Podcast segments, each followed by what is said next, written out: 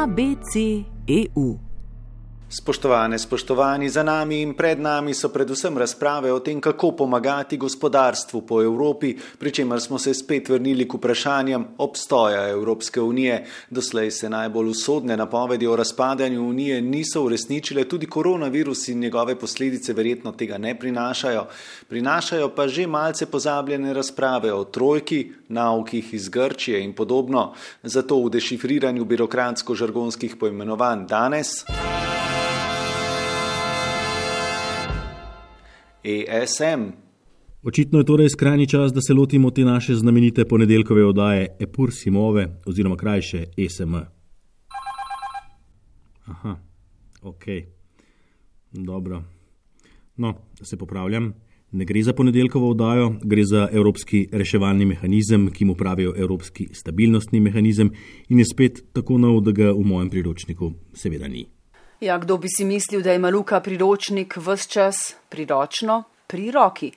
A pustimo, ESM je v bistvu medvladna organizacija, ki ima sedež v Luksemburgu in so jo vzpostavili konec septembra 2012 kot nekakšen stalni požarni zid za morebitne finančne težave držav, kjer kot plačilno sredstvo uporabljajo evro. ESM je nastajal na vrhuncu finančne krize, dolžniške krize, gre pa za to, da se vsi nadaljni reševalni programi financirajo iz tega sklada. Predtem so v nočnih seansah voditelji Evropske unije iskali nekakšne ad hoc rešitve, na ta način sta pred ESM nastala dva mehanizma, EFSF in EFSM. Seveda, kot rečeno, ga ni v mojem priročniku, a ker sem na to pripravljen, imam pripravljeno tudi razlago obeh začasnih instrumentov. Razlika je preprosta, tiči v eni sami črki. Pri prvi je to F, pri drugi M. In to je vse? Ne, ne, to je bila samo miselna pauza za ukrepitev dramatičnosti trenutka razkritja in ta prihaja zdaj le. Pri EFSF gre za Evropski instrument za finančno stabilnost, pri EFSM pa za Evropski mehanizem za finančno stabilizacijo. Oba sklada sta torej skrbela za finančne injekcije za Irsko, Portugalsko in Grčijo. No, morda se vendarle prestavimo v sedanjost. ESM ponuja več možnosti financiranja. Njegov trenutni posojilni domet je pri 411 milijardah evrov. Doslej so se države odločale za dve obliki financiranja. Ena je posojilna, ki prinaša zelo obsežne makroekonomske zaveze oziroma naloge. To so programi pomoči z zelo natančno določenimi obveznostmi oziroma reformami, kot so jim rekli. Gre za posojila, ki so jih prejele Irska, Portugalska, Cipr in Grčija. Druga oblika pomoči, ki so jih države dejansko uporabile, pa je posojilo za neposredno dokapitalizacijo bank. To vrstno posojilo so sklenili v Madridu za stabilizacijo španskega bančnega sektorja. In kot si nakazala špela, je jasno, da noben evro ne pride za ston. Gre za posojilne pogodbe, ki jim v angleščini pravimo, pravijo Memorandum of Understanding, skratico MOU. V tem pa so jasno opredeljene naloge, ki jih mora država s posojilom uresničiti, da dobiva posamične obroke več milijardnih posojil. In to seveda pomeni prihod zelo glasne trojke. Je pa seveda od oblike posojila in od razloga za odvisno, kako ostri bodo pristopi trojke oziroma pogodbene obveznosti. Najtrši oreh je bil seveda Grčija, šlo je za največji paket finančne pomoči, sama zadolženost države pa je vodila posojilodajalce v izrazito previdnost, kar so krepko občutili tudi državljani Helenske republike.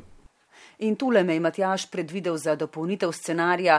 Res je, v tistih letih sem Grčijo večkrat obiskala in poročala o hudih gospodarskih in tudi socialnih, pa tudi političnih posledicah krize in o soočanju države s pritiski tako imenovane trojke, ki seveda v Grčiji ni bila priljubljena.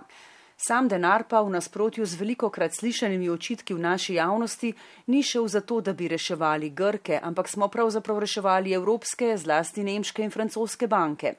Je pa res, da je do krize, v kateri se je znašla Grčija, privedla tudi precejšnja inovativnost, če temu tako rečemo, grških vlad, kar zadeva prikazovanje dolga. No, tudi danes trojka seveda ni pozabljena. V teh trenutkih, ko se pogovarjajo na evropski ravni o pomoči evropskim državam zaradi posledic soočanja z novim koronavirusom, je sicer razprava o tem, kdo bo nadziral potencijalne pogodbe o posojilih državam v ozadju, a nadzor zagotovo bo.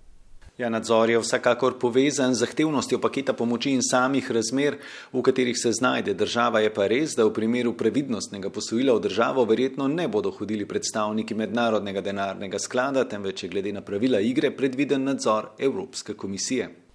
V primeru paketov pomoči, kot ga je pred leti sprejela Grčija, pa ponovem v državo vstopi celo četvorka in ne zgolj trojka saj se Evropski komisiji, Evropski centralni banki in Mednarodnemu denarnemu skladu pridruži še predstavnik ESM. Ja, za ston kosila preprosto ni.